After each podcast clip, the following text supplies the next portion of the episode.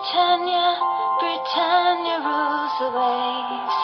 Britons never, never, never shall be slaves. Britannia, Britannia rules the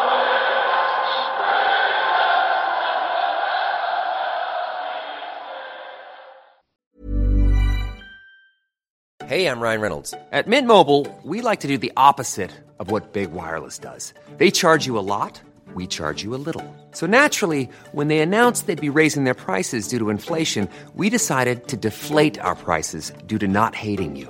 That's right. We're cutting the price of Mint Unlimited from $30 a month to just $15 a month. Give it a try at mintmobile.com slash switch. $45 upfront for three months plus taxes and fees. Promo rate for new customers for limited time. Unlimited more than 40 gigabytes per month. Slows. Full terms at mintmobile.com. Rule Britannia, Britannia rules the waves. Britons never, never, never shall be slaves. Ooh, Britannia, Britannia rules the waves.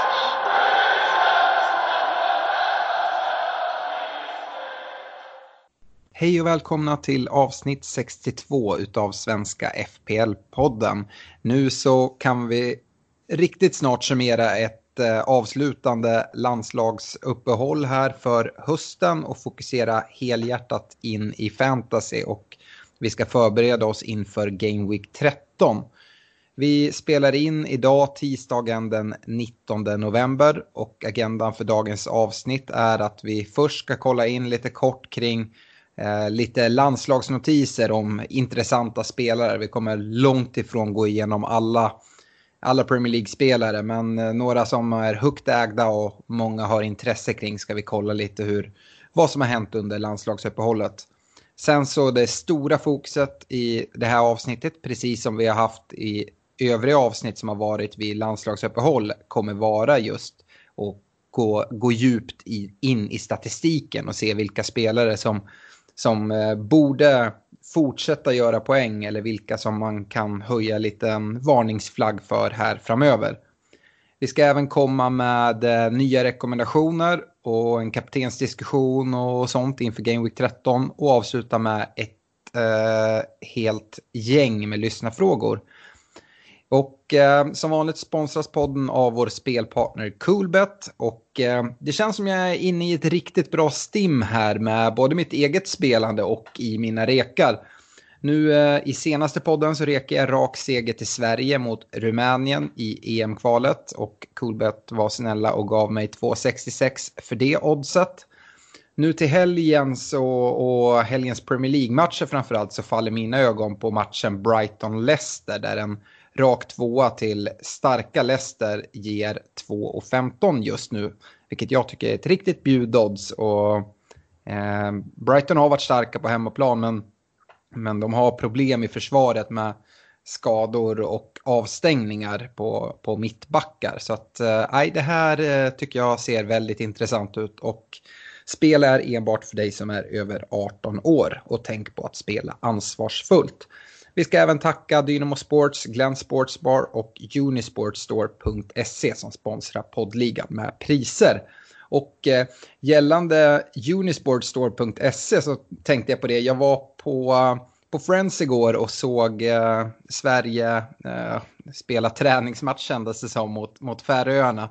Eh, det var ju ingen träningsmatch såklart men det var ju i nya landslagströjan och den tyckte jag var riktigt, riktigt snygg när man såg den eh, på, på plats. Så, och den går ju såklart att, eh, att köpa via unisportstore.se. Så kika in hos dem och eh, kitta upp er inför eh, nästa sommar och, och landslags, eh, landslaget och, och EM. Det ska bli jävligt kul att följa.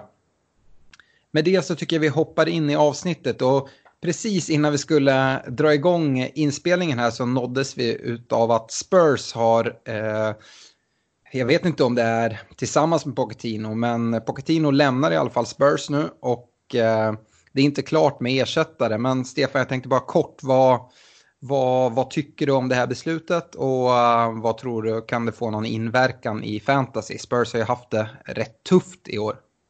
Ja, nej men eh, det kan ju såklart eh, få en, eh, en positiv uppsving på kort sikt. Det brukar kunna vara effekten när man, när man byter spelare och det kommer in lite nya idéer och man kanske får tillbaka lite motivation.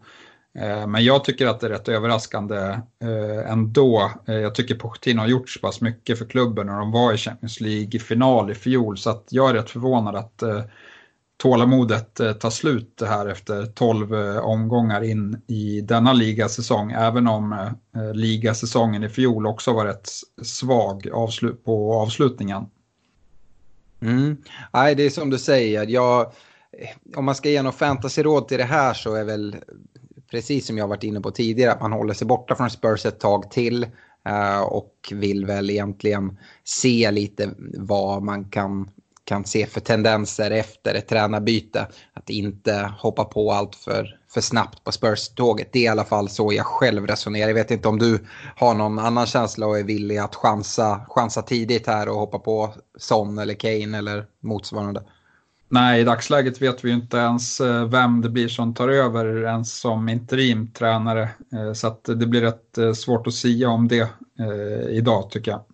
Ja, det är intressant. Tottenham spelar ju uh, första matchen av Game Week 13. De inleder ju uh, lunchmatchen på lördag uh, borta mot West Ham. Så att, vi får se vem det är som står vid sidlinjen då. Om det är Levi själv som, som kliver ner. Ja. Ja, nej, vi, vi ska inte prata så mycket mer om det eftersom vi inte har mer information än så. Men det lär väl komma lite mer information dagarna här som, som kommer. Eh, istället så ska vi kolla lite på landslagsspelare som eh, har stuckit ut på olika sätt och varför inte börja med England och då Harry Kane som eh, nu saknar tränare då. Men Kane är nu den första engelska spelare att ha gjort mål i samtliga matcher i ett EM-kval. Det blev 4 plus 1 i den här samlingen över två matcher, vilket är väldigt imponerande. Och Kane fortsätter leverera i landslaget, även fast det går lite trögare i Spurs. Vi får väl se om den nya tränaren som kommer ta över kan få fart även på Kane i ligaspelet. Då kommer han ju bli eh, högintressant och han är ganska, ja för Kanes eh, kaliber som spelare så är han ganska modest prisad skulle jag säga. Eh, Sterling då, där har det varit väldigt mycket diskussion. Han var ju petad första matchen eh, på grund av det här tjafset som har varit med Joe Gomez i Liverpool. Men eh, det antar jag att ingen har missat. Men eh, i andra matchen så eh, lyckas han så spelade han och var även med i poängprotokollet med en assist. Jag ser även att Rashford gör, gör två kassar i det här. Eh, Chilwell i Leicester assade till de tre första målen i Englands 7-0-kross av Montenegro och eh, Leicester-försvararen fortsätter imponera även här i landslaget då. Går vi vidare till Englands granne Skottland så kan vi snabbt bara konstatera att eh, Robertson inte var med på samlingen på grund av en skada och nu är osäker inför Game Week 13. Vi vi inväntar presskonferenser där eh, då eh, Robertson annars kan vara väldigt intressant nu med Liverpools kommande spelschema. Samtidigt så visar McGinn strålande form i Skottland och och eh, stod för 1 plus 1 i 2-1 vinsten mot Sypen. Skottland spelar ju ikväll eh, också här på, på tisdagen eh, mot Kazakstan. Jag tror, ja, McIn, McIn startar och spelar eh, den matchen, men det är halvtid där. Så att, ehm, Belgien kan vi bara konstatera, som också spelar nu tisdag kväll, men i den första matchen i landslagssamlingen så stod Kevin De Bruyne för två assist i matchen mot Ryssland. Och nu i kvällens match så har han redan gjort två mål i, i första första halvlek. Så att vi kan konstatera att Kevin De Bruyne, han ligger inte på latsidan utan han fortsätter visa fin form. Agüero då som har varit eh, fri, friad från landslagsspel under en längre tid. Han var faktiskt iväg på landslagssamling men inte borta i Sydamerika utan de har spelat i Saudiarabien och i Israel där Argentina mötte Brasilien och Uruguay. Och Agüero vildes helt i första matchen, men eh, i matchen mot Uruguay som spelades i går, tror jag att det var, eh, eller om det var idag på, på förmiddagen, så, ehm, nej igår, eh, så spelade han eh, mot Uruguay. Så att eh, han kommer inte vara lika utvilad som han har varit tidigare, även om det inte är allt för lång flygresa eller framförallt inte så mycket tidsskillnad. Gällande tidsskillnad ska vi även prata Pulisic i Chelsea. Han har ju varit väldigt het här på senare tid. Han har inte varit iväg med USA eh, på grund av en skada, så han är också tveksam till spel här inför Game Week 13 och eh, där gäller det precis som med Robertson att invänta presskonferenser och se om vi kan få lite mer information.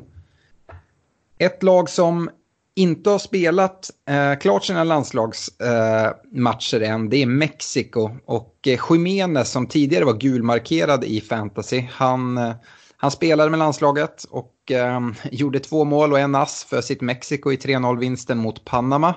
Och eh, har ny match nu eh, sent i natt eller tidig onsdagsmorgon hemma mot Bermuda. Och eh, alla vi som gillar Jiménez och har honom i våra fantasylag hoppas ju att han ska vilas där, men eh, det återstår att se.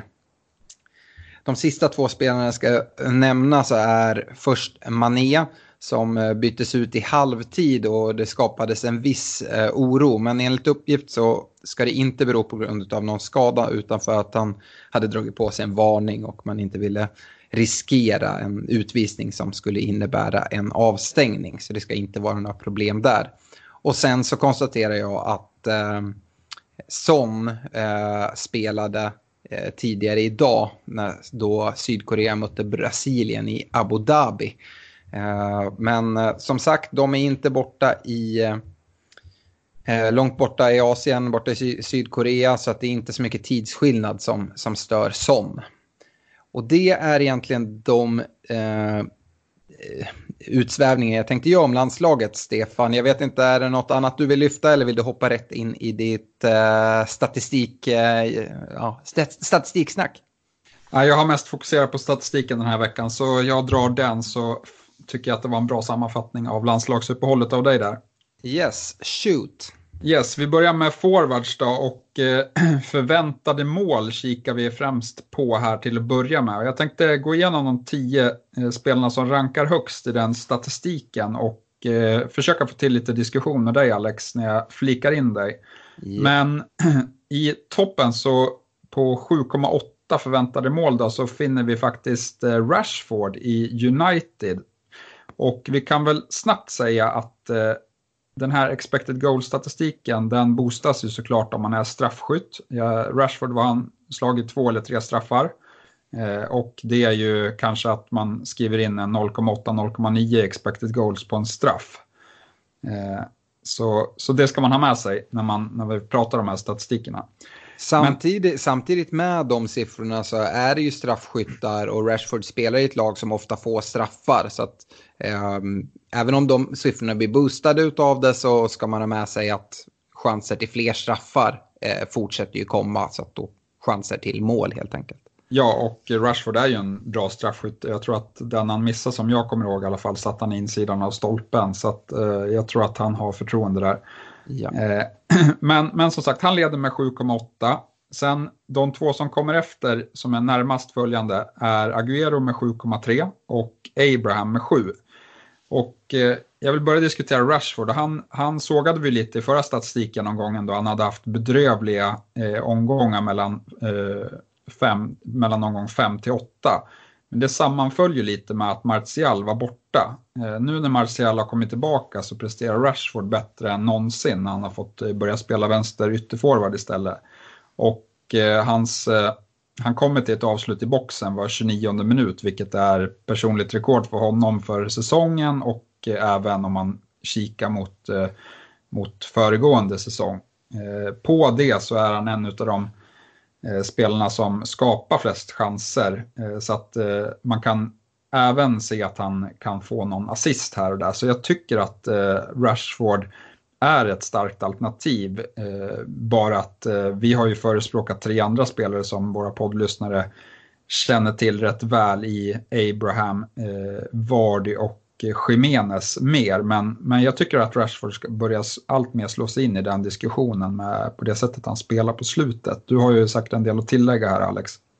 Nej, men precis som du säger så Rashford är en helt annan spelare när han får spela tillsammans med Martial och framförallt när han får kliva ut i den här fria rollen till vänster där eh, han trivs mycket bättre än som en statisk eh, central nia. Och, eh, nej, jag tycker att Rashford ser jätteintressant ut. Själv så har jag gått på spåret Martial istället. Eh, då han står som mittfältare, prisad billigare och så. Jag tror att både Rashford och Martial eh, mår väldigt bra att spela tillsammans. Och Ja, Rashford är absolut intressant och blandar in sig i en i alla fall fundering och diskussion kring, kring anfallsplatserna. Ja, jag såg ett klipp från honom i landslaget också. Han fick ju chansen när Sterling inte spelade vänster ytterforward i landslaget i första matchen och då eh, gjorde han en väldigt snygg tunnel på, eh, på första backen och sen en Ronaldo-fint på andra. Jag vet inte, det ledde nog inte till något men, men man såg att han hade självförtroende i alla fall.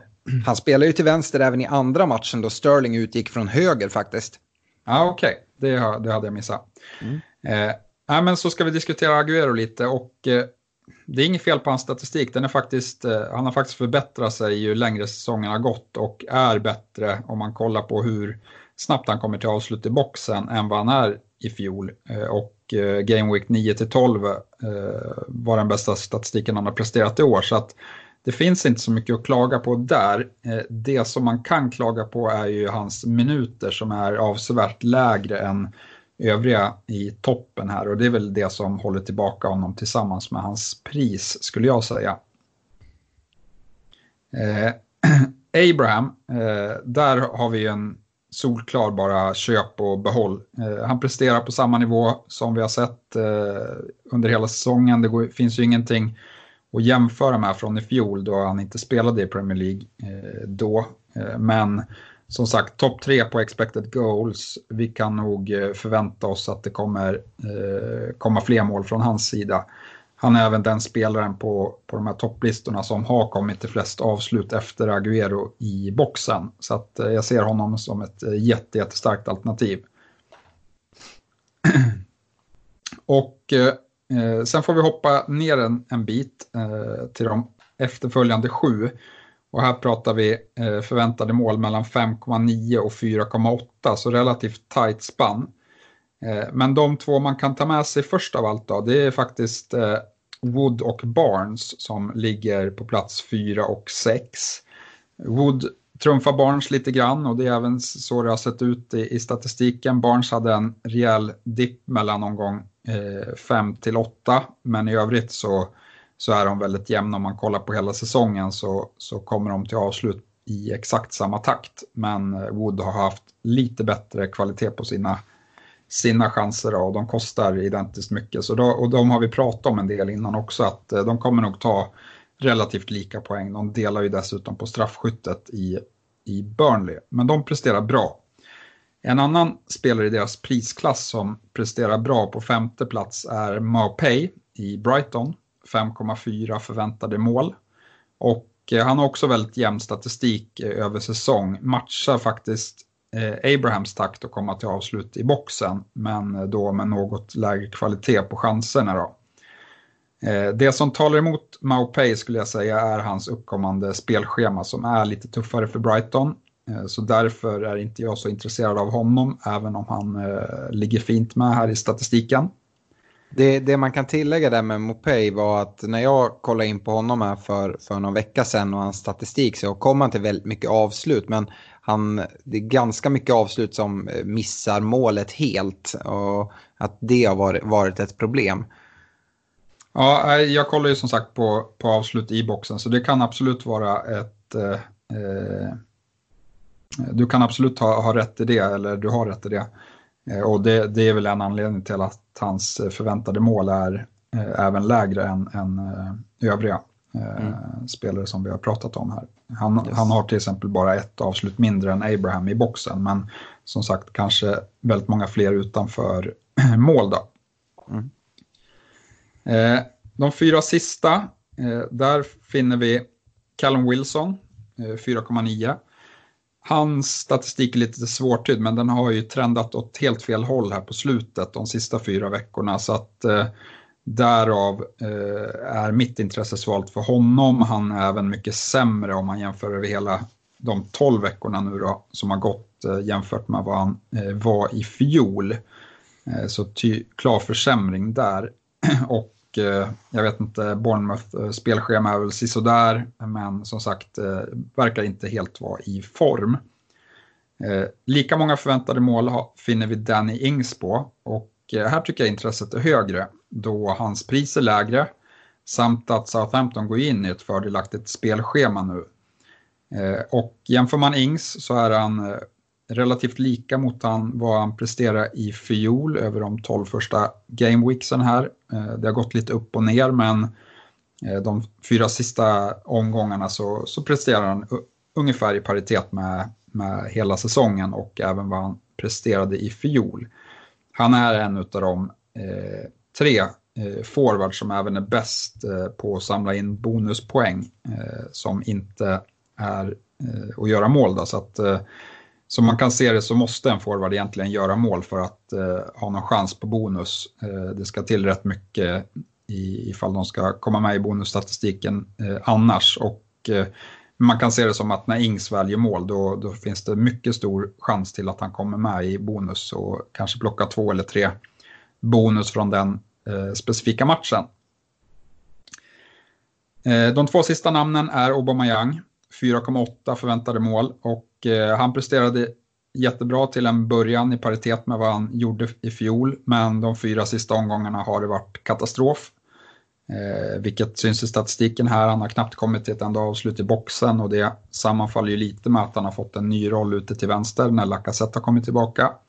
Så att eh, jag tycker han kostar alldeles för mycket för det han presterar just nu. Eh, även om matcherna är fina så hade jag inte köpt honom i alla fall. Lite svårare beslut att sälja kanske. Och så på tionde plats då finner vi den här Jamie Vardy. Eh, och eh, det är ju inte helt smickrande ur ett eh, förväntat målperspektiv. Vi kan ha med oss att Leicester fortfarande inte har fått någon straff. Han är ju straffskytt. Matcherna är fantastiska. Plus att Vardy har förbättrat sig för varje, eh, liksom, eh, vad ska man säga, fyra matchers omgång. Han, han var inte alls bra de fyra inledande, sen har han förbättrat det till de fyra kommande och nu de fyra senaste gameweeksen så presterar han faktiskt i paritet med vad han eh, gjorde i fjolårssäsongen som helhet. Så alla de här grejerna tillsammans, straffskytten, eh, de fördelaktiga matcherna samt att han har blivit allt bättre ju längre säsongen har lidit gör att jag tycker bara att det är dumt att ignorera honom här trots att han inte eh, hamnar lika högt upp på statistiken som, som vissa andra. Eh, så tycker jag att han är ett superalternativ över eh, de kommande 5-6 gameweeksen.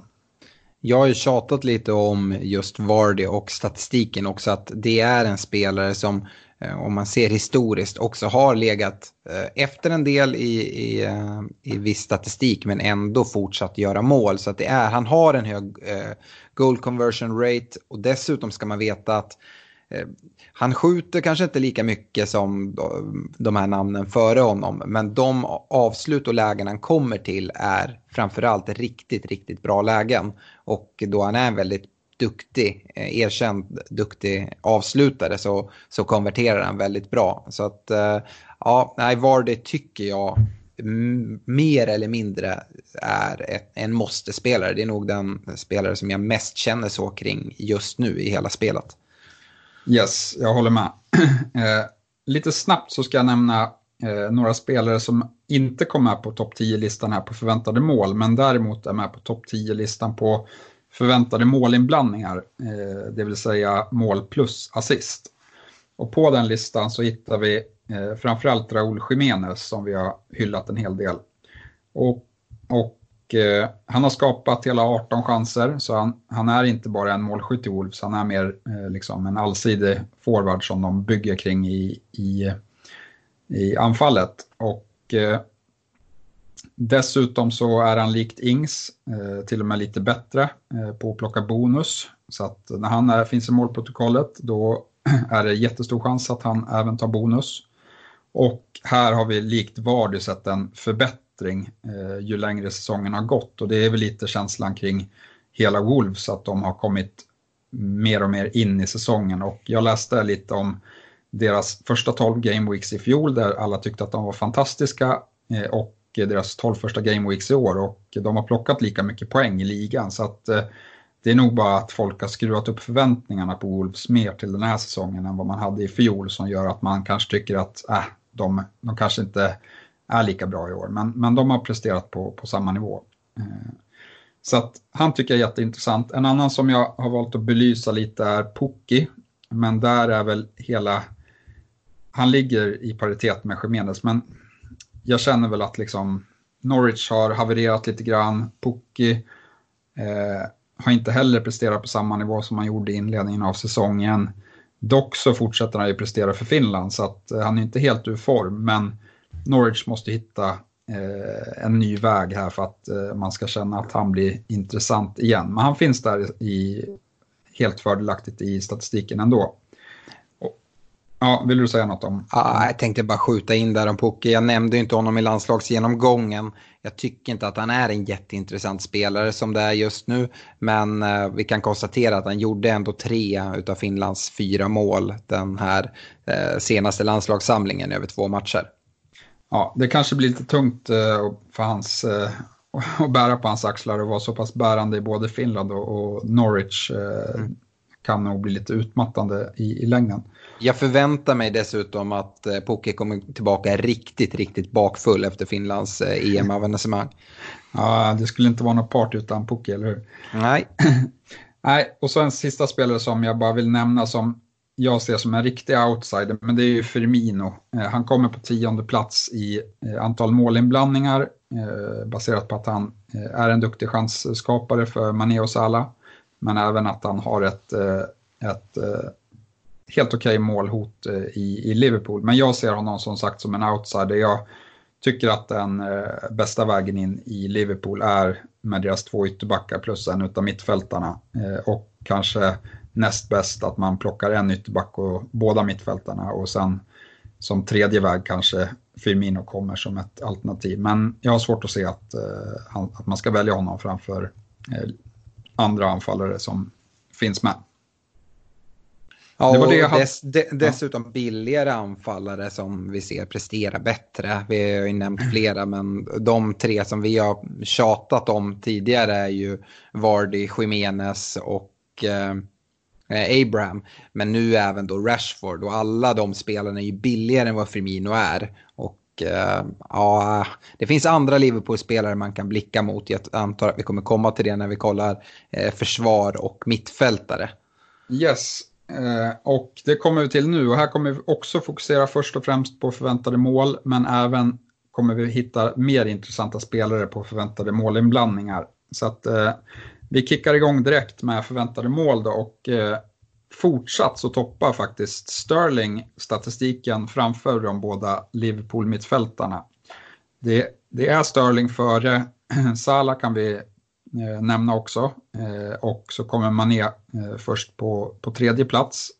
Statistiken är inte allt, ju min känsla är att eh, eh Mané har varit i, i väldigt bra slag. Men statistiken säger eh, att det är fördel Sala och framförallt om man kollar på de senaste fyra omgångarna, i alla fall eh, om man kikar till avslut i boxen.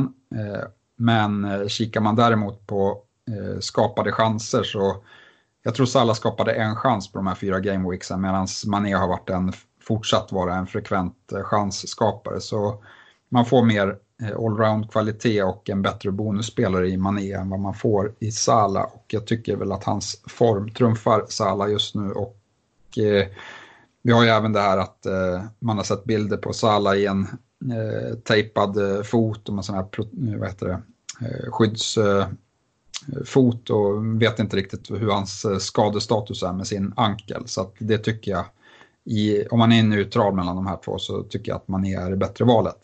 Kring, kring Mané också tycker jag är intressant i år. Eh, han har ju avslutat väldigt fint med, med huvudet i, vid flera tillfällen. Och med Liverpools eh, fina ytterbackspel och inlägg så har ju det verkligen gynnat honom. Och, jag är verkligen imponerad över Manés eh, huvudspel och hans avslut eh, på skallen.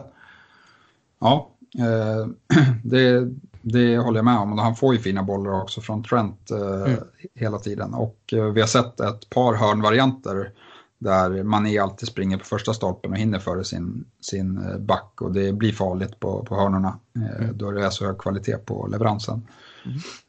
Eh, men de tre står, står ju ut lite eh, Eh, och eh, vi måste ju nämna Sterling också. Han, han ligger topp och han ligger även eh, mycket bättre än Salah han är på förväntade assist. Så att när man kollar förväntade målinblandningar så är han ännu mer dominant eh, i statistiken än, än de här två herrarna. Så att, eh, vi har varit inne på det. Eh, det kan finnas ett case för att byta ut honom då han står på fyra gula kort och Citys matcher blir sämre. Eh, men City är City. De kan vinna stort mot alla lag och det behöver inte vara negativt och det kanske de får möta lite lag som öppnar upp sig lite mer och det kan gynna Sterling. Så att eh, räkna inte bort honom men jag ser även caset för att man eh, vill eh, hålla sig borta just nu på grund av de fyra varningarna och en eventuell avstängning. Men han, han ser jättefin ut. Eh, om vi går ner på eh, fjärde och femte platsen tycker jag är väldigt intressant på den här listan. Det är två spelare som har fått begränsat med speltid. Eh, nästan hälften av de här herrarna vi pratade om alldeles nyss. Och det är Christian Pulisic på fjärde plats och Antonio Martial på femte plats på 4,3 och 3,5 förväntade mål Eh, och eh, ja, Pulisic han har ju levererat fantastiskt här de fyra eh, senaste gameweeksen. Eh, och eh, jag ser honom som ett jättestarkt alternativ i, i ett Chelsea som verkligen flyger med, med Lampard. Eh, dessutom har de jättefina matcher efter de har mött City här. och kollar vi även så, om man vill ha lite extra bonuspinnar så, så rankar han bra även i, i i den statistiken. Så att ja, Pulisic är ett eh, starkt alternativ och det tycker jag även Martial är. Eh, med liksom den, han är ännu mer given än vad, än vad Pulisic är. Eh, och den enda frågan med honom är väl egentligen om man kan hålla sig skadefri eller inte. Men en skadefri Martial vill man ha i, i, i fantasy skulle jag säga. Kan ju skjuta in här med landslag så att Martial var ju, är ju inte skadad på något sätt men eh, har inte varit iväg på landslagsspel med, med Frankrike så borde vara eh, uppvilad och fin nu inför Game Week 13 och framåt. Yes, så förhoppningsvis håller han sig skadefri och då är han ett fint alternativ. Sen är det lite svårare tycker jag. Vi kommer ner lite på listan och eh, behandlar av två stycken City-mittfältare i form av David Silva och Bernardo Silva på plats 6 och 8.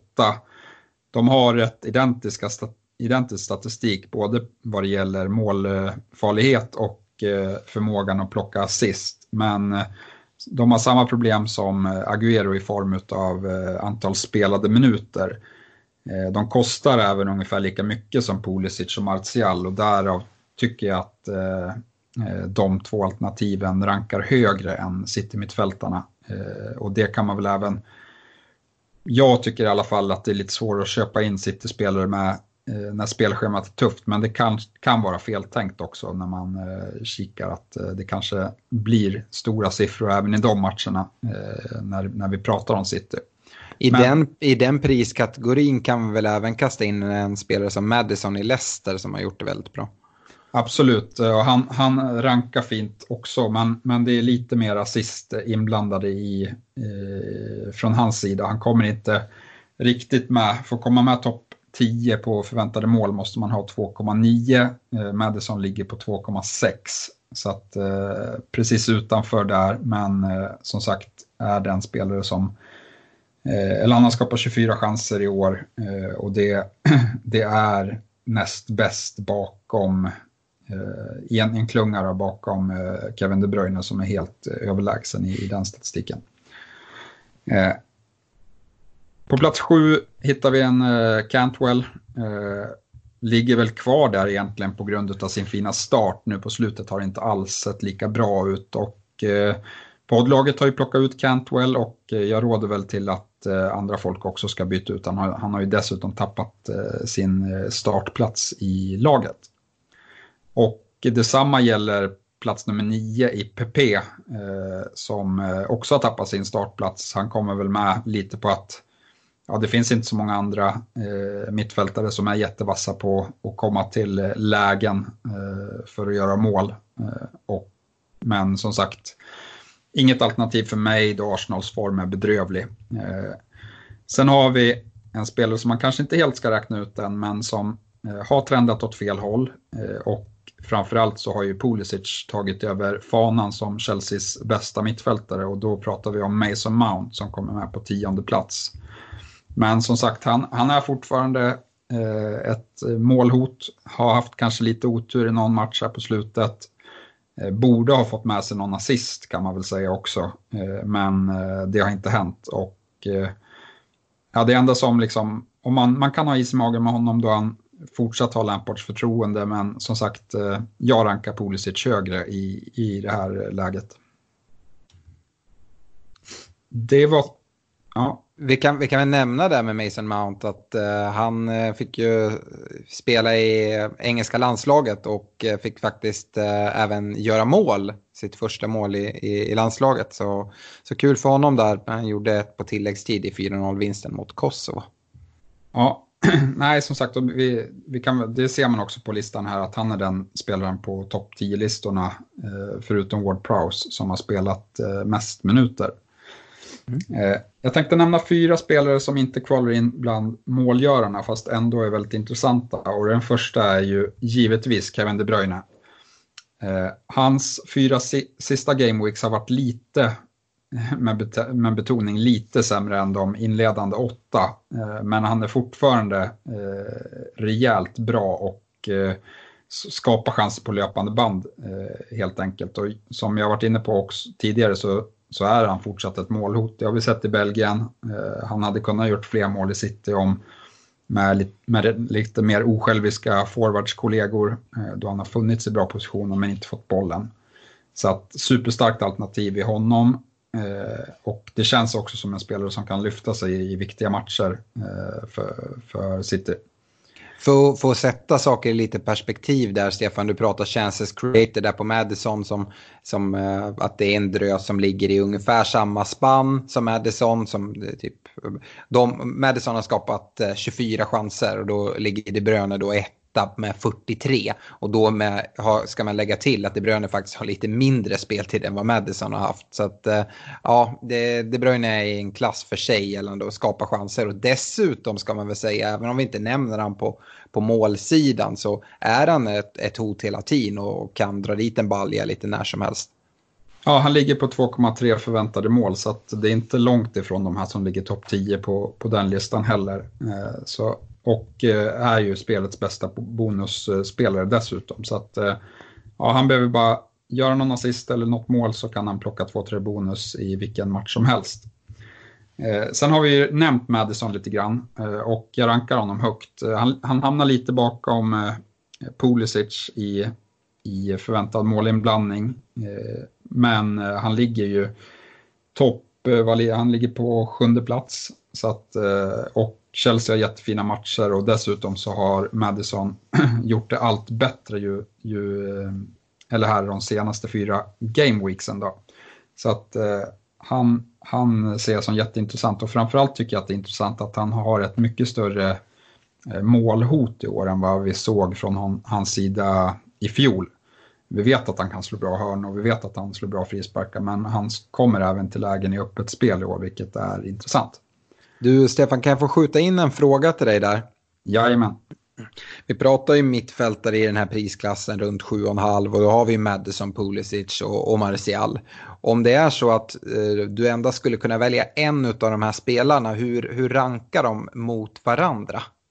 Oj, ja det är svårt men jag tror faktiskt att jag skulle eh, plocka Ja, det är svårt, de har lite olika egenskaper. Madison och Martial, de är ju Eh, mer givna än vad Pulisic är. Men Pulisic, som han har spelat och med Chelseas spelschema så eh, rankar jag honom väldigt högt faktiskt. Så måste jag välja så kanske blir Pulisic etta, Martial tvåa och eh, Madison trea. Ja, nej, det, jag tänker bara det är jättesvårt. Alla tre är ju kanonalternativ och man skulle såklart kunna sitta med alla tre men samtidigt ska man sitta med en Liverpool-mittfältare också och eh, kanske De Bruyne också gillar ju jag eh, skarpt. Men eh, ja, det är kul att höra lite tankar där. Ja, nej, man kan säkert få äta upp det. Men, men som sagt, jag tycker att eh, i alla fall i Vardy har man sånt superalternativ i Leicesters offensiv så att han vill jag inte vara utan och då blir det så här lite att eh, eh, Ja, man vill inte vara utan Abraham heller, men han är så pass billig, framförallt om man har köpt han tidigt. Så att eh, där ser jag ett större case för att dubbla upp i Chelseas offensiv än i Leicesters offensiv. Och Martial, mm. han är ju billigare än, än vad Rashford är, så att eh, nej, så nej. skulle jag ranka. Ja. Eh, sen vill jag nämna två outsiders här som är under 6 miljoner eh, som kommer faktiskt med på topp 10-listan i förväntad målinblandning. Och den första är Ward Prowse eh, som eh, ligger med där och eh, vi vet ju att Southamptons spelschema blir bättre nu. Eh, han har spelat jättemycket minuter, vilket är såklart skönt ur ett fantasyperspektiv. Presterar kanske lite sämre än i fjol om man kollar på Eh, skapade chanser och förväntad assist. Eh, men eh, han har däremot eh, haft lite mer framskjuten position när det kommer till eh, att göra mål. Så att eh, han är ett alternativ som är en budgetvariant och även eh, Graylish i Aston Villa eh, som kommer med här. Där har vi inte lika mycket att jämföra med, men det vi kan se med hans statistik är att han har förbättrat sig för varje fyra veckors intervall som har gått under säsongen och eh, presterade som bäst nu här Game Week 9 till 12 när det kommer till att skapa chanser. Men han har även ett målhot i sig han också. Så att eh, de två tycker jag är mycket intressanta. Jag vill skjuta in lite där om James Ward-Prowse. Inte nog med att han har mycket minuter, han har faktiskt spelat alla, samtliga minuter i ligan som SA-15 har haft hittills den här säsongen. Eh, alltså inte bytts ut någonting.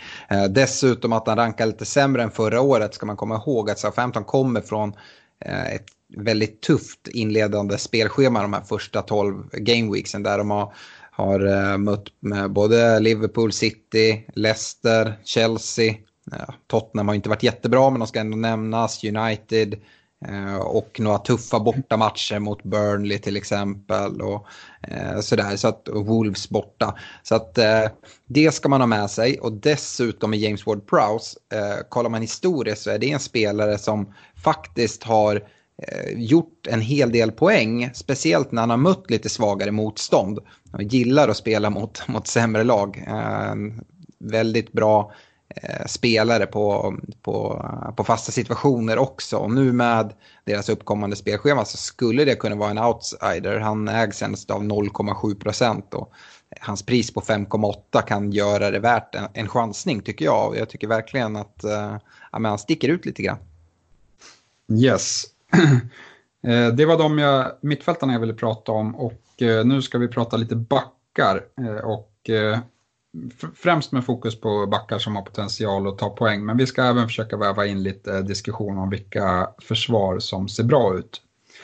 Eh, här kommer jag främst fokusera på förväntade assist, men även kolla lite grann på förväntad målinblandning då det finns några målfarliga backar där ute. Och börjar vi då eh, topplistan med förväntade assist så är det ju han som vi har tjatat om så jättemycket den här säsongen som fortsätter och bomba in chanser och fortsätter att gå tomhänt kan vi väl säga. Och det är Trent Alexander-Arnold. Eh, han har nästan dubbelt så hög förväntad assist som någon annan back eh, i spelet. Eh, och eh, ja, väldigt eh, frekvent skapar en chans var 26 minut i alla de fyra eller alla de tre, fyra Game Week-intervallen vi har kikat på hittills i säsongen och det är dubbelt så bra mot vad han gjorde i fjol. Eh, Bakom honom så är det eh, ett hårt lopp om andra platsen mellan Digné och Robertson. Eh, och där rankar jag Robertson som det bättre alternativet nu när Liverpools matcher vänder. Dock så måste vi få besked om hans eh, skadeläge innan vi kan rekommendera honom allt för hårt här framöver då han missade landslagsuppehållet för Skottland. Han är likt, eller han har förbättrat sig de senaste fyra gameweeksen och presterar i paritet med vad han gjorde i fjol då han också gjorde över 10 assist ska vi komma ihåg. Eh, men andra platsen eh, håller ju Digné för tillfället och eh, han har presterat bra de fyra sista gameweeksen. Hans problem är ju att Evertons spelschema blir ju bedrövligt efter Newcastle-matchen. Så äger man honom så ska man ju definitivt behålla honom här över nästa gameweek men sen tycker jag att det är läge och byta ut honom. Eventuellt gå upp eh, på en uppdubbling på Liverpool eller gå ner till någon eh, billigare back för att spara pengar. Och sen är det väl ett gäng spelare som vi pratar 1,6 till 1,2 förväntade assist som kommer här bakom. Och jag tänker nämna namnen i Young Aspilicueta, Rico och Chilwell, Fredericks Cancelo faktiskt och Montoya. Eh, Alex, är det några namn där som du tycker sticker ut? Jag tycker vi kan börja med att stryka Cancelo eh, från den här listan eftersom att han har spelat så extremt få minuter. Därför är han inte intressant. Jag tycker dessutom att vi kan stryka Ashley Young sett till att eh, dels Luke Shaw förväntas vara tillbaka väldigt snart och eh, Dessutom har han eh, lite konkurrens av unge Williams som, som gjorde det väldigt bra senast när Young eh, var avstängd. Och det är flera eh, United-supportrar och röster kring laget som, som tycker att Williams ska gå före Young. Uh, nej, annars så tycker jag ju att uh, Chilwell såklart sticker ut.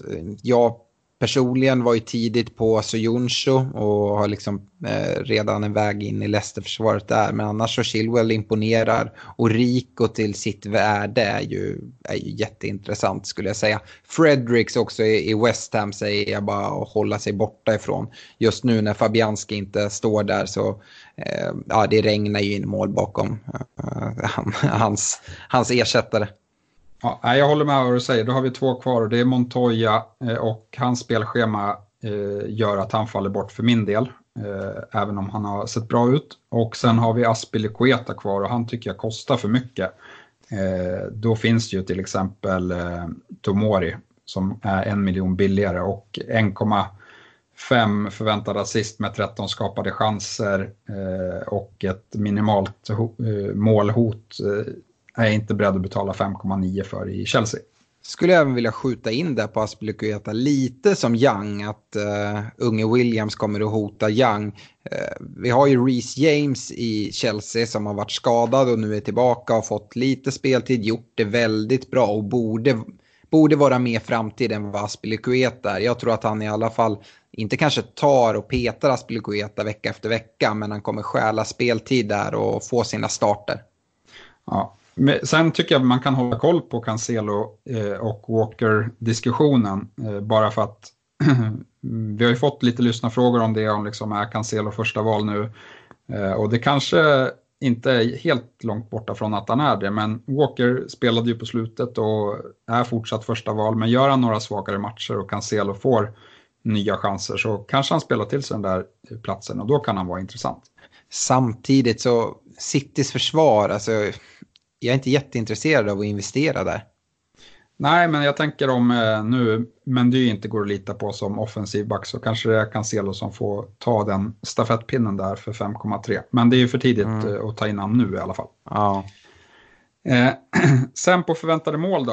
Eh, ja, eh, det kan vi väl lägga till att Alexander Arnold rankar relativt bra även där. Så att eh, förväntade målinblandningar är han också väldigt dominant på. Men den spelaren som faktiskt kommer tvåa på förväntade målinblandningar är ju vår eh, härliga Lundström som har presterat något helt sjukt här de senaste fyra gameweeksen. 14 avslut i boxen, bäst av de vi har på listan här. Och jag har egentligen haft otur som inte har gjort Eh, fler poäng offensivt. Jag tänker framförallt på matchen mot eh, Tottenham då han hade ett eh, ruggande skott i insida stolpe och även hade ett annat fint läge. Så han är ju, ja, köpte man honom tidigt så är det bara att sitta kvar med honom. En spelare som kan vara en outsider nu när spelschemat blir bättre för Wolverhampton är ju Doherty. Eh, för mig är ju priset lite för högt för honom och han har även varit ut och in lite ur laget. Men nu verkar ju Wolves ha bestämt sig för att de ska spela 3-4-3 och det gör Doherty mycket mer intressant. Eh, kikar vi på hans eh, frekvens med att komma till avslut i boxen så är det bättre än förra, förra säsongen som helhet. Men även om vi kollar på de fyra senaste omgångarna så är han ungefär dubbelt så bra som han var över hela säsong i fjol. Så att eh, det finns goda chanser till att Doherty kommer eh, att göra offensiva poäng här eh, de kommande veckorna skulle jag säga om han får fortsatt förtroende i startelvan. Och den sista spelaren som vi vet också är duktig offensivt, där spelschemat vänder, som jag har valt att belysa lite, är van Anholt i Crystal Palace. Eh, man kan tycka att det är för högt pris med 5,6. Eh, det tycker i alla fall jag för en Crystal Palace-back, men eh, här har vi i alla fall någon som kan gå upp och göra offensiva poäng eh, före och ta, men, men det, jag skulle säga det som ett bet, som en bättre chansning i slutet av säsongen och framförallt så rankar jag Doherty som en bättre chansning än van Anholt då. Ja, gällande försvarsspelare här så går jag bara snabbt in på fantasy-sidan och kollar lite vilka försvarare som är mest ägda och Lundström leder ju faktiskt den. Eh, men på en andra plats så är det en försvarare vi inte alls har, har nämnt här. Det är van Dijk som ägs faktiskt av 40 procent, vilken är en siffra som eh, lite chockar mig. Ja, det är ungefär 40 procent för mycket skulle jag säga. Mm. Uh, nej, men han har ju såklart ett målhot i sig, men man betalar för mycket för det mål, målhotet skulle jag säga. Eh, han kommer ju inte ens med på eh, målinblandningslistan här, så det betyder att han inte har kommit till allt för mycket avslut på, på hörnor. Vi har heller inte sett, som man kanske kunde tro med VAR, att Nej, men det, då kommer alla de här fula knepen försvinna i straffområdet för det kommer bli straff på grejer. Men det, det händer ju inte. Det, man får ju dra och slita i tröjorna ändå. Så att, eh, eh nej, jag tycker man betalar för mycket för van Dijk och föredrar mycket hellre Robertson och Trent. Mm. Ja, jag håller helt med där och det är faktiskt inte jättemycket prisskillnad på van Dijk och flytta upp det till Trent eller, eller Robertson och det skulle jag verkligen rekommendera. En annan spelare som jag vet du har haft med på din, eh, din lista på eh, rekommenderade försvarare som vi inte har nämnt det är ju van Bissaka i United och då har väl du haft med honom framförallt sett till förväntade nollor och så och inte så mycket för offensiv utdelning men eh, vill, du, vill du nämna någonting om honom? Ja, nej, det blir ju lite långrandigt. Man kan prata mycket backar. Eh, men, men det är ju mest på grund, och då kommer vi in lite på hur eh, lagens försvar har sett ut. Och eh, förra gången vi gjorde den här laggenomgången så hade United det bästa försvaret om man kollar till förväntade insläppta mål. Eh, nu har Liverpool glidit förbi, men det är fortfarande knappt. Det är de två i toppen. Eh, så att eh, United har ett av de bättre försvaren i eh, ligan i år och vi vet att van Bissaka är en väldigt, väldigt bra bonusspelare på grund av att han framförallt vinner väldigt mycket tacklingar med sina fantastiskt långa ben som han är duktig på att glidtackla bollen med. Så att eh, det är väl på grund av det som jag har rekommenderat honom. Mm. Nej, jag har egentligen inte några andra frågor kopplat till, till statistiken och så. Är det någonting du vill avsluta med där? Eller ska vi gå ja, in på rekommendationerna? Vi pratade lite förväntade insläppta mål och jag tänkte benämna topp sju här då. Eh, och eh, Liverpool trumfar den statistiken efter 12 omgångar med eh, 11,4 förväntade insläppta. United kommer tvåa, 11,8. Sen kommer Leicester med 12,2. Chelsea kommer på fjärde platsen med 13,5. Följt av City 13,6. Eh, så det är väl egentligen topplagen i, i ligan. Sen kommer Everton eh, med 13,9 och Burnley med eh, 14,0 därefter. Så det är de sju bästa försvaren om man ser till statistiken. Vi kan även nämna en, en extrem outlier, outlier i Sheffield United som endast har släppt in nio mål, men eh, deras förväntade insläppta mål är på 16,7. Eh, vilket eh, gör att de har presterat mycket, mycket bättre. Och det här kan ju, eller det beror ju såklart på en bra målvakt eh, i Henderson, eh, men även kanske på en del flyt i vissa matcher. Jag tycker även när vi, när vi nämner det ska nämna att både Everton och Burnley eh, enligt den här statistiken har släppt in ungefär fyra mål mer än vad de borde ha gjort. Så de har haft ganska bra siffror men det har ändå trillat in bollar. Och det är lite samma för Chelsea som har släppt in 3,5 mål för mycket mot eh, statistiken. Så de kanske också har lite bättre försvarsspel i sig. Mm. och att det inte bara är deras offensiv som är imponerande. Nej, bra. Eh, jättebra. Den här statistiken tycker jag är väldigt viktig att ha koll på och ta med sig i val man ska göra. Uh, sen så ska man såklart koppla ihop det med en, med en magkänsla och gärna uh, lite att man har sett dem spela och man själv kan se sådana uh, tendenser. Men statistiken den är väldigt bra. Och vi ska gå in och, och kolla på, på rekommendationerna.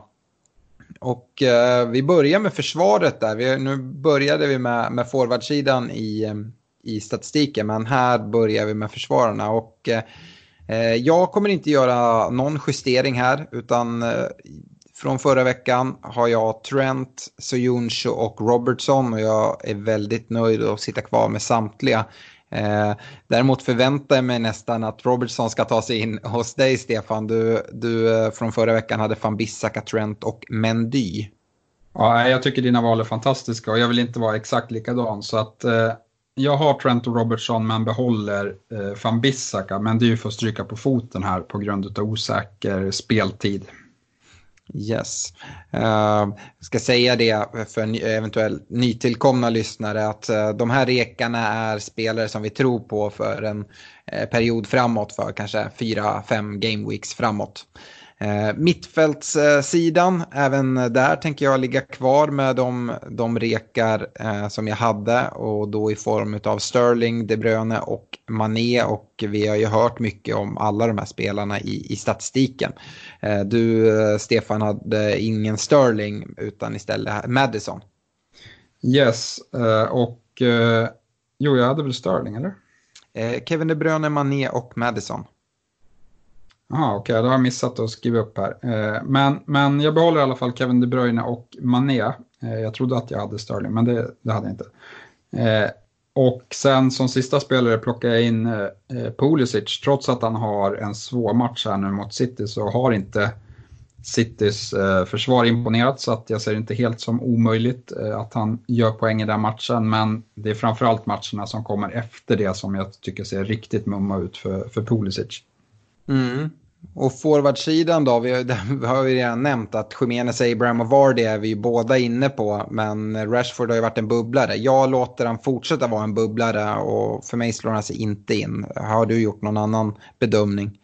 Nej, eh, vi ligger exakt lika där i forwardsbesättningen. Men jag tycker ju att Rashford ligger och eh, hotar där som fjärde forward utanför de här tre. Ja, verkligen.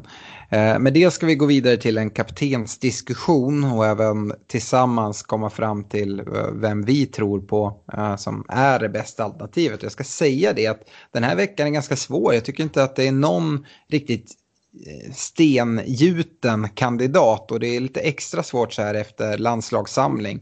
Eh, men om vi börjar med de två lag som man brukar vända sig till så är det ju City och Liverpool. Och, och City, de spelar ju hemma på Etihad mot Chelsea. Och eh, Chelseas eh, bortaförsvar har ju inte imponerat. Citys försvar har inte imponerat jättemycket.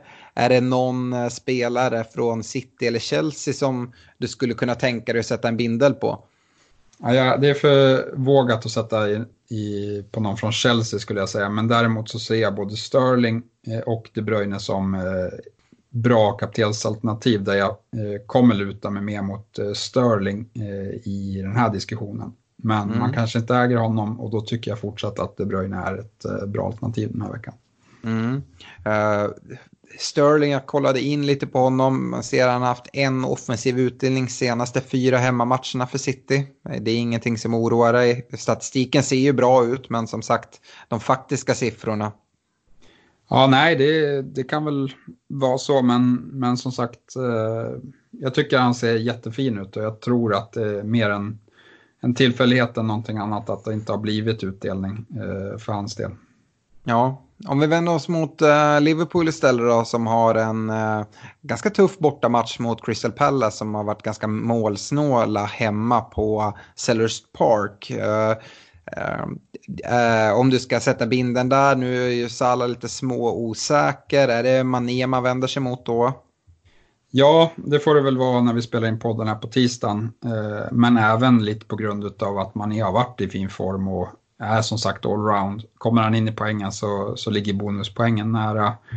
Eh, och det ska jag nämna att Crystal Palace, de, de var nog bättre defensivt i början av säsongen. Nu har de glidit ner till en 16 plats i förväntade mål här om man kollar överlag. Så att, eh, de, och de har ändå släppt in eh, eh 16 mål men de har förväntat släppa in 20,6 så att eh, de är några som har överpresterat åt, och på den statistiken då, och det kan inte hålla för alltid, tror inte jag i alla fall. Nej, och jag har faktiskt noterat ungefär samma sak. De har släppt till mycket mer chanser nu på senare tid. Och så, faktiskt speciellt på just inläggsspel, något som Liverpool älskar. Och som vi konstaterade att Mané har ett väldigt fint huvudspel. Uh, dessutom ser det ut som att Joel Ward i eh, uh, Palace-försvaret kanske missar matchen. Så det skulle ju kunna tala för, för, för Mané exempelvis. Uh, dessutom så uh, Crystal Palace har haft ganska, inte gjort speciellt mycket mål. Skulle det kunna locka dig till att sticka ut så pass mycket och till och med gå på en, en Trent-kapten i försvaret? Eller är försvaret en, någonting du håller dig långt borta ifrån i kaptensdiskussionen? Jag tror att eh, det är lite stretchat, men, men som sagt, vill man vara lite Maverick så, så är Trent bästa valet i sånt fall. Eh, men, men inte för mig just nu, för Liverpools försvar har inte stängt till butiken i någon match här, så jag är lite osäker på, på den förmågan. Mm. Det som jag nog lutar mest mot är nog ändå Leicester som spelar borta mot Brighton. Det var ju min spelrek också. Eh, det är en eh, vecka efter landslaget och eh, som vi vet så Vardy eh, spelar inte i engelska landslaget och eh, har, har vilat. Eh, jag tycker det är intressant. Brighton har i och för sig visat upp en bra defensiv hemma men Eh, Louis Dunk är nu avstängd eh, på grund av gula kort och dessutom missar Webster eh, mittbacken där. Så att eh, försvaret är lite decimerat och Leicester visar i fin form. Så att Vardy gillar jag som kapten den här veckan. Ja, nej, jag är beredd att hålla med.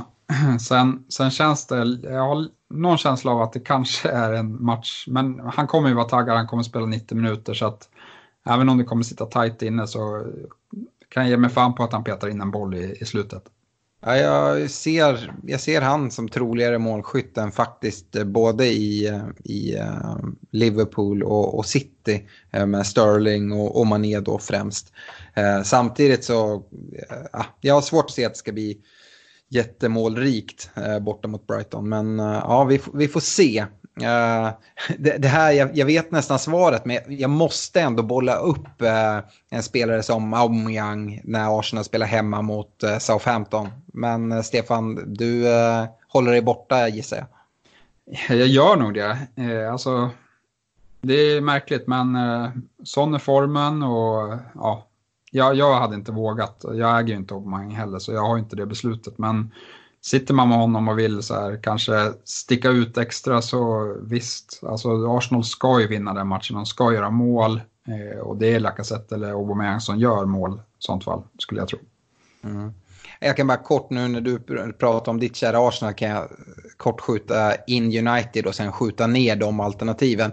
Man spelar ju mot Sheffield eh, här till helgen och Eh, det är väl det lag som United förmodligen passar allra sämst att, att möta. Eh, sett till att United har haft svårt att eh, skapa så mycket mot uppställda försvar. Så det tycker jag inte alls är ett alternativ. Ett försvar som har varit riktigt dåligt däremot det är ju West Ham. Så, nu ska Spurs möta dem Men med en ny tränare förmodligen. Son Kane, kan det, kan det vara värt en chansning eller ja, avvaktar man där? Ja, nej, men kaptensbindeln, jag tycker de sticker ut så mycket som differentials ändå så att eh, det räcker med att äga dem. Eh, man behöver inte gambla in kaptenen där också. Mm. Eh, och en sista jättechansning kanske, men det är väl Richarlison som spelar mot, mot Norwich som uh, skeppar en hel del chanser. Skulle det kunna vara något eller? Ja, jag tycker det är en bra differential-kapten. Norwich är ju sämst i hela ligan på uh, försvarsspel och Everton har sett eh, allt bättre ut eh, de senaste omgångarna så att Richarlison eh, skulle jag absolut kunna köpa. Det är väl problemet att man inte äger honom och att man inte vill äga honom efter den här matchen. Nej. Eh, och av alla de här alternativen, är det någon som du tycker det lutar lite extra mot för, för dig? Och tänk inte bara då på de spelare du har i ditt lag, utan om du skulle äga spelarna, vem hade du satt binden på? Ja, jag rankar nog eh, Sterling först, Mané tvåa och Vardy trea. Mm. Och personligen så har jag en bättre känsla för Vardy så att eh, han eh, leder för mig just nu. Men som sagt, jag tycker den här veckan är, är lite klurig. Eh, så ja, det, vi kommer nog se eh, kaptensbindeln spridd bland, eh, bland många managers. Eh, differentials då. Eh, vi gjorde ju om differentials eh, här och höjde upp eh, ägarandelen till eh, max 10%. Vi har dessutom nu gjort om differential-rekarna eh, likt vi gör med eh, försvarare, mittfältare och forwards där vi ska nämna tre stycken som vi ser som bra alternativ eh, på lite sikt. Och eh, jag ska bolla upp tre spelare eh, först var jag inne på att jag skulle ta en försvarare, en mittfältare och en anfallare. Men jag tror jag kommer eh, skippa försvarare. Jag var inne lite på Tomori där i Chelsea. Men eh, jag kommer istället gå på en eh, rejäl differential i, eh, i eh, Ward Prowse i, uh, i Southampton som vi pratade en hel del om med Southamptons uh, spelschema här som kommer tycker jag är fint. Tillsammans med Martial med en ägarandel på 8,9 och Chris Wood i Burnley som bara ägs av 0,9 procent. Ja men kul, då har vi bara Martial eh, samma. Eh, för mina två andra är Son i Spurs och Doherty i Wolves. Ja, Härligt. Nu har jag eh. skrivit ner det här innan jag visste att Pochettino blev sparkad. Jag tycker att det är lite negativt för Son då han var en väldigt eh, stor, eh, eller Pochettino var en väldigt stor favorit eh, Son. Samtidigt så kanske de får ett uppsving med en ny tränare så att det behöver inte vara helt förgäves. Och Doherty tycker jag var lite kul för att han har sett bra ut på slutet och det sammanfaller med att Wolves spelschema är bra över de fyra, fem kommande matcherna. Mm, ja, jag, jag köper absolut både Son och Doherty. Jag tycker att det är lite väl mycket pengar att investera i, i differentials eh, sett jämfört med mina budgetalternativ i Ward Prowse och eh, Chris Wood. Men, ja, det kan, det har, du har absolut en poäng i det. Men, men, men jag förstår det och chans till utdelning eh, finns ju, finns ju verkligen med dem. Uh, har du någon kommentar av mina två då utöver Martial i Ward Prowse och Wood? Tycker du att det är bra shouts eller eh, tycker du att jag är ute och cyklar helt? Ja men, eh, ja, men Wood har sett eh, bra ut. Jag är inte helt övertygad om matcherna kanske. Så att därav, så, och sen gillar jag de tre forwards som jag har så pass mycket så att jag hade svårt att, att få in honom. Men Ward Prowse tycker jag är ett jättefint alternativ. Jag vet att många kanske sitter med en Cantwell eller någon Billy eller kanske en Mount som man är lite besviken på. Då kan man byta ner till Ward Prowse och tjäna lite pengar där. Eller om man då sitter med Cantwell och kanske hittar lite pengar för att, att ta in eh, Ward Prowse istället för att försöka skramla ännu mer pengar, eh, vilket kan vara svårt i det här läget. Ja, som sagt, Ward Prowse ägarandel ligger på 0,7 procent. Så att, eh, ja, där, där sticker man verkligen ut. Sen så visst, man ska ha vettiga förväntningar, men det är en spelare som inte kostar så mycket heller. Så att, eh, och jag kan absolut se att man kan starta honom eh, i, i de flesta matcher här eh, framöver. Då så 15 spelschema ser, ser så pass fint ut. Nu är det Arsenal borta här i Game Week 13. och ja, Arsenals försvar har inte imponerat så att det skulle kunna bli utdelning där, även fast det kanske är en av de tuffare matcherna sett här på, på kort, kort eh, sikt. Jag tycker absolut i alla fall att man ska säga att det är precis en sån här spelare man bör kika mot nu när julspelet kommer här för att det kommer vara dugga tätt med matcher eh, och helt plötsligt så är vi i mitten av januari och har avhandlat 8-9 game weeks eh, till och man får liksom inte den här breaken och, och Eh, analysera vad som är bäst och hur man ska gå tillväga så att eh, mycket kommer att avgöras här över ja, in i december och över jul eh, i fantasy hur säsongen ska arta sig. Yes. Uh, där var vi klara med rekarna och vi kan väl avslutningsvis säga att deadline inför Game Week 13 är nu på lördag 12.30 inför West Ham Tottenham som startar 13.30 och sparkar igång Game Week 13 med det. Så se till att göra era byten innan 12.30. Vi ska hoppa in i lyssnarfrågorna och som, som jag nämnde i agendan så är det en hel drös. Och jag tänkte att vi skulle börja med en fråga från en lyssnare som vi faktiskt träffade på Glenn-eventet i Göteborg i form av Nicolas Tevander James. Och eh, han undrar om det är lönt att spela 3-4-3 med tanke på att det finns så mycket bra värde på mittfältet. Eh, vilka 6 till 8 miljoners mittfältare anser ni är bäst fram till jul och varför? Eh, och eh, det kommer många frågor här, men om man nu lirar 3-5-2, vilken budgetanfallare under 6 miljoner väljer ni för tredjeplatsen? Yes, ja, första frågan. Pulisic, Martial och Madison är de eh, jag framförallt vänder mig till. Men jag tycker att eh, Ward Prowse som du kastar med där ska med i diskussionen eh, i den prisklassen. och på forwardsidan så är det väl istället som jag gillar mycket, Ings, men eh, jag tycker också att, eh, att Wood som du bollade upp är ett eh, vettigt alternativ. Mm. Och då skulle jag framförallt säga Ings, även om jag precis har, har eh, sagt att eh, Wood är intressant. Men det är för att Ings är ännu lite billigare och ska man spela 3-5-2 så är det ju en tredje anfallare som för det mesta kommer sitta bänk. Och då vill man ha så lite pengar som möjligt där, men ändå en spelare som, som startar. Och Ings startar ju och dessutom straffskytt. Eh, så att jag tycker att Ings duger jättebra. Jag kan nämna att vi, vi sitter ju med honom i, i poddlaget också. Jag kan kasta in eh, Mosé, Lys Mosé i Sheffield United som är ett, eh, en fin tredje anfallare om man ska spela 3-5-2 också då match, Sheffields matcher blir mycket bättre här och han har sett jättefin ut de senaste omgångarna. Mm. Eh, det här som man nämner eh, om det är lönt att spela 3-4-3 uh, vad, eller 3-5-2, vad, vad, vad tycker du? Är det... Jag spelar, jag spelar 3-4-3 just nu på grund av att jag gillar mina tre forwards så mycket och de presterar hela tiden eh, i, i Abraham, Vardy och Jiménez.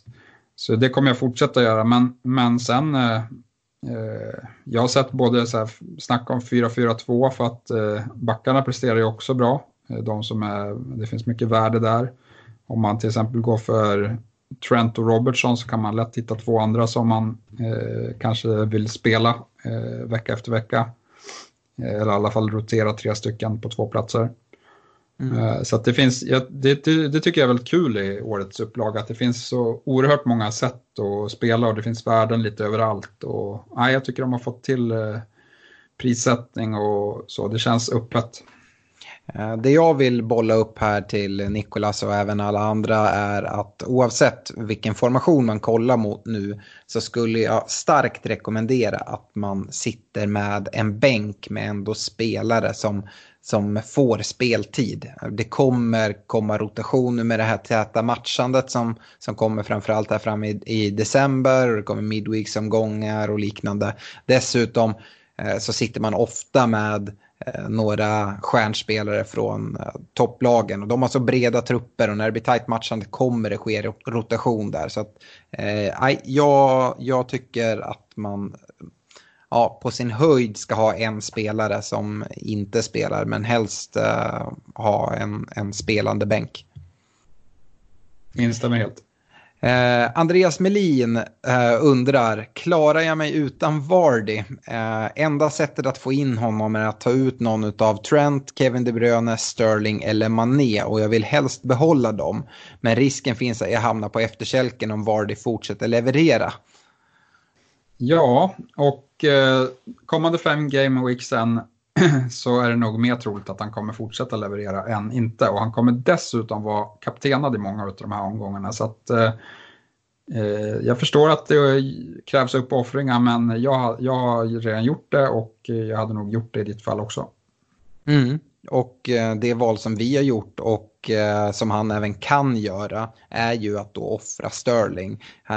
Mané är ju hans enda offensiva Liverpool-spelare. Går inte att ta ut i det här läget skulle jag säga. Trent skulle jag aldrig ta ut och Kevin De Bruyne tycker jag är eh, en av spelets mest prisvärda spelare. Kanske med John Lundström inräknad där också. Ja, men om man ser över 4-5 gameweeks här så, så kan man ju nästan räkna in att Sterling kommer missa en match. Visst, han skulle kunna gå fem matcher utan att plocka på sig ett gult kort, men ja, Eh, det är en risk som eh, känns rätt jobbig att bära. Dessutom så kommer han ju rotera sig någon av de här omgångarna eh, om han inte blir avstängd. Ja, det är precis min tanke där. Emma Wilhelmsson skriver att de sitter med Soyuncu, Madison och Thielemans och det är ju jättebra. Men hon är också inne och eh, suktar mot Vardy och undrar om det är värt att göra två byten för att få in honom. I så fall skeppa Aubameyang på topp. Och, och sen så undrar hon då, vem tar jag i så fall in istället för någon av de andra tre från Leicester?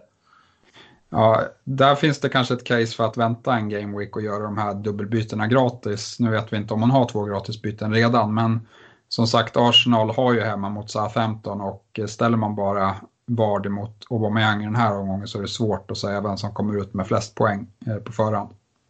Mm, det håller jag med om, men om man sen ska göra bytet, vem i Leicester hade du offrat? Jag tycker Madison presterar lite bättre, eh, men samtidigt så kostar han eh, miljonen mer. Så att eh, det ska väl med i beräkningen och vad man vill göra med sitt lag, eh, liksom gameweeksen som följer efter och om man har någon plan eller någon spelare som man vill göra sig av med och så. Eh, men har man, är man nöjd med sitt lag och så har råd med Madison så hade jag gått på det. Man eh, sparar ju lite pengar på att downgrade Aubameyang till Vardy och då kanske man kan göra Thielemans till eh, Martial eller Pulisic om man nu inte sitter med de spelarna så det kanske skulle kunna vara ett alternativ. Ja, det tycker jag är slagkraftigt och eh, man häver matcherna med sig. Yes. Marcus Lindholm, han skriver att han ska ha en spelare utav Mané, Salah eller Sterling i laget och undrar vem. Han skriver även att han har två backar från Liverpool. Dessutom sitter han med Kevin De Bruyne som enda City-spelare. Uh, ja, det är mané för mig uh, när man sitter utan. Uh, personligen så, så har jag Salah, men som sagt hans skadehistorik och så tar, när man inte äger någon så, så då lutar det mot mané. Och Sterlings begränsningar har vi ju pratat om här med fyra varningar och eventuell rotation. Yes. Didrik Nilsson, han skriver att det är väldigt många frågetecken i Liverpool just nu. Flera nyckelspelare som åkt tillbaka till Melwood och Liverpools träningsanläggning istället för att fortsätta med landslaget. Han sitter själv med Robertson som eh, enligt uppgifter då inte har tränat på flera veckor med lag utan bara spelar matcher. Eh, men spelade ändå mot City och hans ankelskada tog nog mer stryk där. Dessutom sitter han med Sala som eh, förmodligen även ett ännu större frågetecken skriver han. Vad ska han göra? Han har ingen jättebänk utan bänken som han skriver ut är Rico, Den Donker och Jorginho. Är det här en bra anledning till att byta Sala eh, mot Mané? Ja, jag sitter i samma båt här och visar det sig att Sala är borta mot Crystal Palace så kommer nog jag göra bytet eh, tvärs över till Mané faktiskt. Eh, för att jag vill inte sitta med någon som kostar 12,3 miljoner och inte vet om han är fullt frisk eller inte. Så att eh, mycket hänger på Klopps presskonferens för min egen del och eh, du ska också lyssna noga på den, tipsar jag. Ja, dessutom så sitter ju han med Robertson och det gör ju inte du eh, tror jag. Och eh, där hoppas vi också få besked. Jag, eh, jag hoppas verkligen på att Robertson kommer, kommer tillbaka. Han är inte inne i mitt lag men jag har planerat för att ta in honom. Och eh, ja, eh, där är väl... Eh, jag tror ändå att det finns hyfsat goda chanser till att både Robertson och Salah är redo för spel. Men det återstår att se. Eh, Mikael Lindemo har en väldigt kort fråga. Madison eller Martial? Mm, Martial. här är ju en kul grej. Exakt den här frågan satt jag och funderade kring i mitt privata lag. Eh, då jag satt med både Madison och Martial, men jag tänkte att ah, men där har jag en bra downgrade att göra någon av dem till en billigare spelare. Eh, och då kollar jag framförallt mot Trossard i Brighton och så får jag in Robertson. Men sen så när jag ser hur de levererar vecka efter vecka nu så, och spelschemat som, som kommer så kunde jag inte göra valet. Så nu har jag trixat om det för att kunna behålla båda. Men eh, ja, måste man välja så jag förstår din, ditt val av Martial som du argumenterade lite mer för under statistikgenomgången där ehm, eh, Vardy är ett eh, så pass bra alternativ i Leicester eh, och Martial är billigare än Rashford. Eh, Chris Karlsson eh, undrar om man ska sitta kvar med Mount och sen så skriver han pengar är inga problem om jag ska köpa någon annan. Jag, jag har ju sagt att jag gillar Pulisic mer och jag gillar ju Chelsea överlag. Så att eh, jag tycker inte att det är ett eh, sidledesbyte för jag tycker man får en mer målfarlig eh, spelare som, som har presterat eh, bättre här, eh, ja, egentligen andra halvan av eh, den här säsongen eh, som har varit. Så att eh, jag gillar honom. Mm. Johannes Angel, är det värt att ha både Trent och Robertson och ska man ha kvar De Bruyne och Sterling?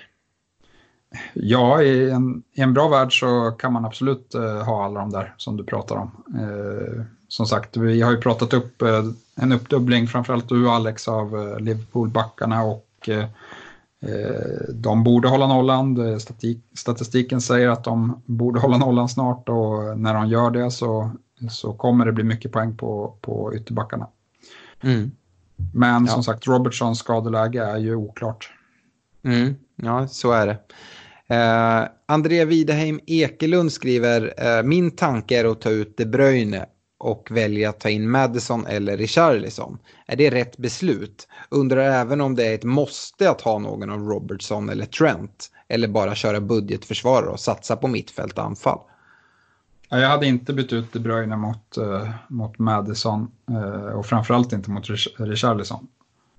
Nej, det känns väldigt kortsiktigt med Richarlison, även om han har goda chanser till poäng nu mot Norwich. Så, eh, jag såg, det blev en liten diskussion här på Facebook just gällande det här och då kommer det fram att André sitter med Sterling men att han absolut inte vill byta ut honom. Men, eh, och har han den känslan så ska han gå på den, men för mig så har jag mycket hellre kvar Kevin De Bruyne än Sterling.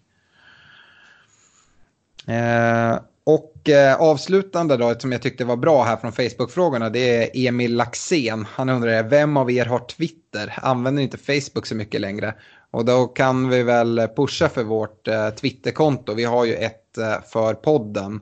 Eh, och Stefan, du har bättre koll på det. Vad är det man ska söka efter för att hitta det? Svenska FPL-podden. Eller podden, eller att podden FPL kan man också söka på. Yes, och med det så tycker jag vi hoppar över i Twitterfrågorna om vi har fått några därifrån. Ja, eh, Tobias Karlsson, han eh, undrar vad tycker ni om att byta ut Mount för att få in Madison i ett rakt byte? Ja, kör. Yes, jag håller med. FPL Filip, Bernardo Silva, hur gör, gör jag det bytet bäst? Mm, jag vet inte om man tänker på det att nu Bernardo Silva har fått den här avstängningen som har dragit ut på tiden. Men det blev ju faktiskt bara en match avstängning. Eh, och det blir ju här mot, mot Chelsea. Eh, så han är ju tillbaka redan till Game Week 14 mot Newcastle borta. Eh, sen så sitter ju Bernardo Silva i den här prisklassen som vi har pratat om tidigare. Han tror han är prisad 7,9 nu. Eh, och då, då har man ju möjlighet att ta in någon av de här spelarna, de här tre framförallt som vi har pratat om. Uh, jag antar att man inte sitter med alla tre. Och ska man göra ett rakt byte där så skulle det då, ja men, gå, jag skulle säga gå på din egen magkänsla och lite kring hur ditt lag ser ut, vem du ska ta in av de här tre. Och då menar jag Madison, Martial, Pulisic. Uh, men uh, Bernardo Silva till någon av dem, nej, tycker jag känns som ett bra byte. Yes. Uh, här kommer det en kille, Måns Örtendal, som sitter med sitt wildcard och han undrar Traoré eller Jorginho i ett wildcard. Uh, han kommer ha Abraham med i sitt wildcard. Pulisic kommer han byta in mot Richarlison efter den här gameweeken, så det är två Chelsea-spelare. Han kommer inte ha Jiménez eller någon annan spelare från Wolves. Oj, ja, det är ju lite vad han har för tanke om den här spelaren. Om det är en spelare som kommer sitta bänk ganska mycket. Uh, jag, jag, jag, kan jag, tänka mig att han är femte mittfältare, att han kommer spela någon form av fyra mittfältsroll.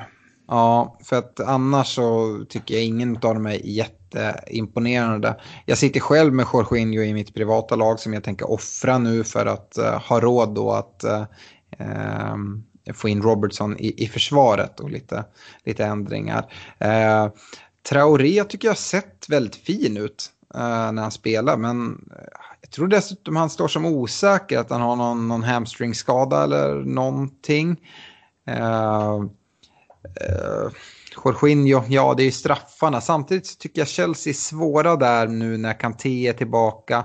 Jorginho och Kovacic har sett väldigt fina ut tillsammans. Uh, ah, skulle jag välja mellan dem tror jag skulle gå på Traoré, men jag tycker ingen känns helt hundraprocentig just nu. Nej, men det är troligtvis hans femte mittfältare. Någon som spelar, någon som kan göra det bra.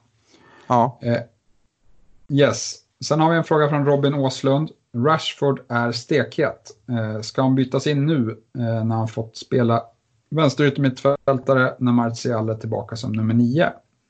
Ja, vi tycker ju Rashford är het. Det håller vi med om. Jag hade kanske inte tagit in honom nu inför Sheffield United borta. Jag tror att det är som sagt ett av de sämsta lagen. Jag skulle hellre möta City eller Liverpool än Sheffield United eh, som det är just nu i fantasy för att spela Rashford. Eh, men eh, absolut finns det, finns det ett case att byta in honom. Det, det tycker jag. Spelschemat är bra. Yes. Eh, Linus, när är det som smartast att använda triple captain och bench boost? Den här måste ju du svara på Alex. Eh, ja, triple captain, det ska man använda när jag inte väljer att använda den. Eh, jag har ju en historik nu de två senaste säsongerna och fått en poäng på min min trippelkapten. Eh, den den eh, strategi jag har haft då, eh, men som jag ändå kommer fortsätta ha, det kommer att använda den i en eh, double game week eh, som kommer att komma andra sidan nyår. Eh, och även bench boost eh, skulle jag säga är eh, ett sånt då det är double game week och de har många spelare. Eh, det man kanske kan ta med sig om man ska dra lärdom från, från mina triple captain är att man kanske inte ska sätta dem på, på en City-spelare. Ehm, som sen förra året då jag satte den på Sané då de har så många alternativ och, och, kan rotera där. Ser man på Liverpool till exempel med Salah eller Mané så roteras inte de alls på samma sätt.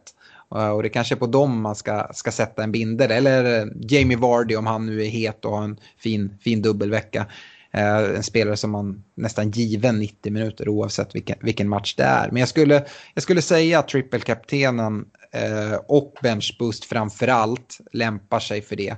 Eh, sen så vet jag att det är många som spelar eh, framförallt triple captain eh, även i en single game week. Och det behöver inte vara fel. Eh, men för mig skulle det kännas jobbigt att spela triple captain en single game week för jag har en bra känsla och sen så blir det en låg score. Då, då hade jag nog ångrat mig väldigt mycket mer än om jag hade fått en låg score på en double game week. Ja, jag håller med. Men jag, samtidigt eh, så är ju bench boost, den ska man planera för den bästa eh, game, double game weekend tycker jag. Det är, Definitivt. Det är det kraftigaste chippet. Yes, det var alla frågor vi hade från Twitter. Ja, men vad härligt. Uh, med det så avslutar vi avsnitt 62 och önskar alla en stor, ett stort lycka till inför Game Week 13. Och nu jävla kör vi. Nu är det inga mer idiotiska landslagsuppehåll som ska förstöra den här hösten. Utan uh, vi, vi köttar på nu och det kommer komma lite midweek-matcher och sådana saker. Så nu är det bara att nörda ner sig i Fantasy Premier League. Stort lycka till allihopa. Ha det bra. Ja, ha det bra.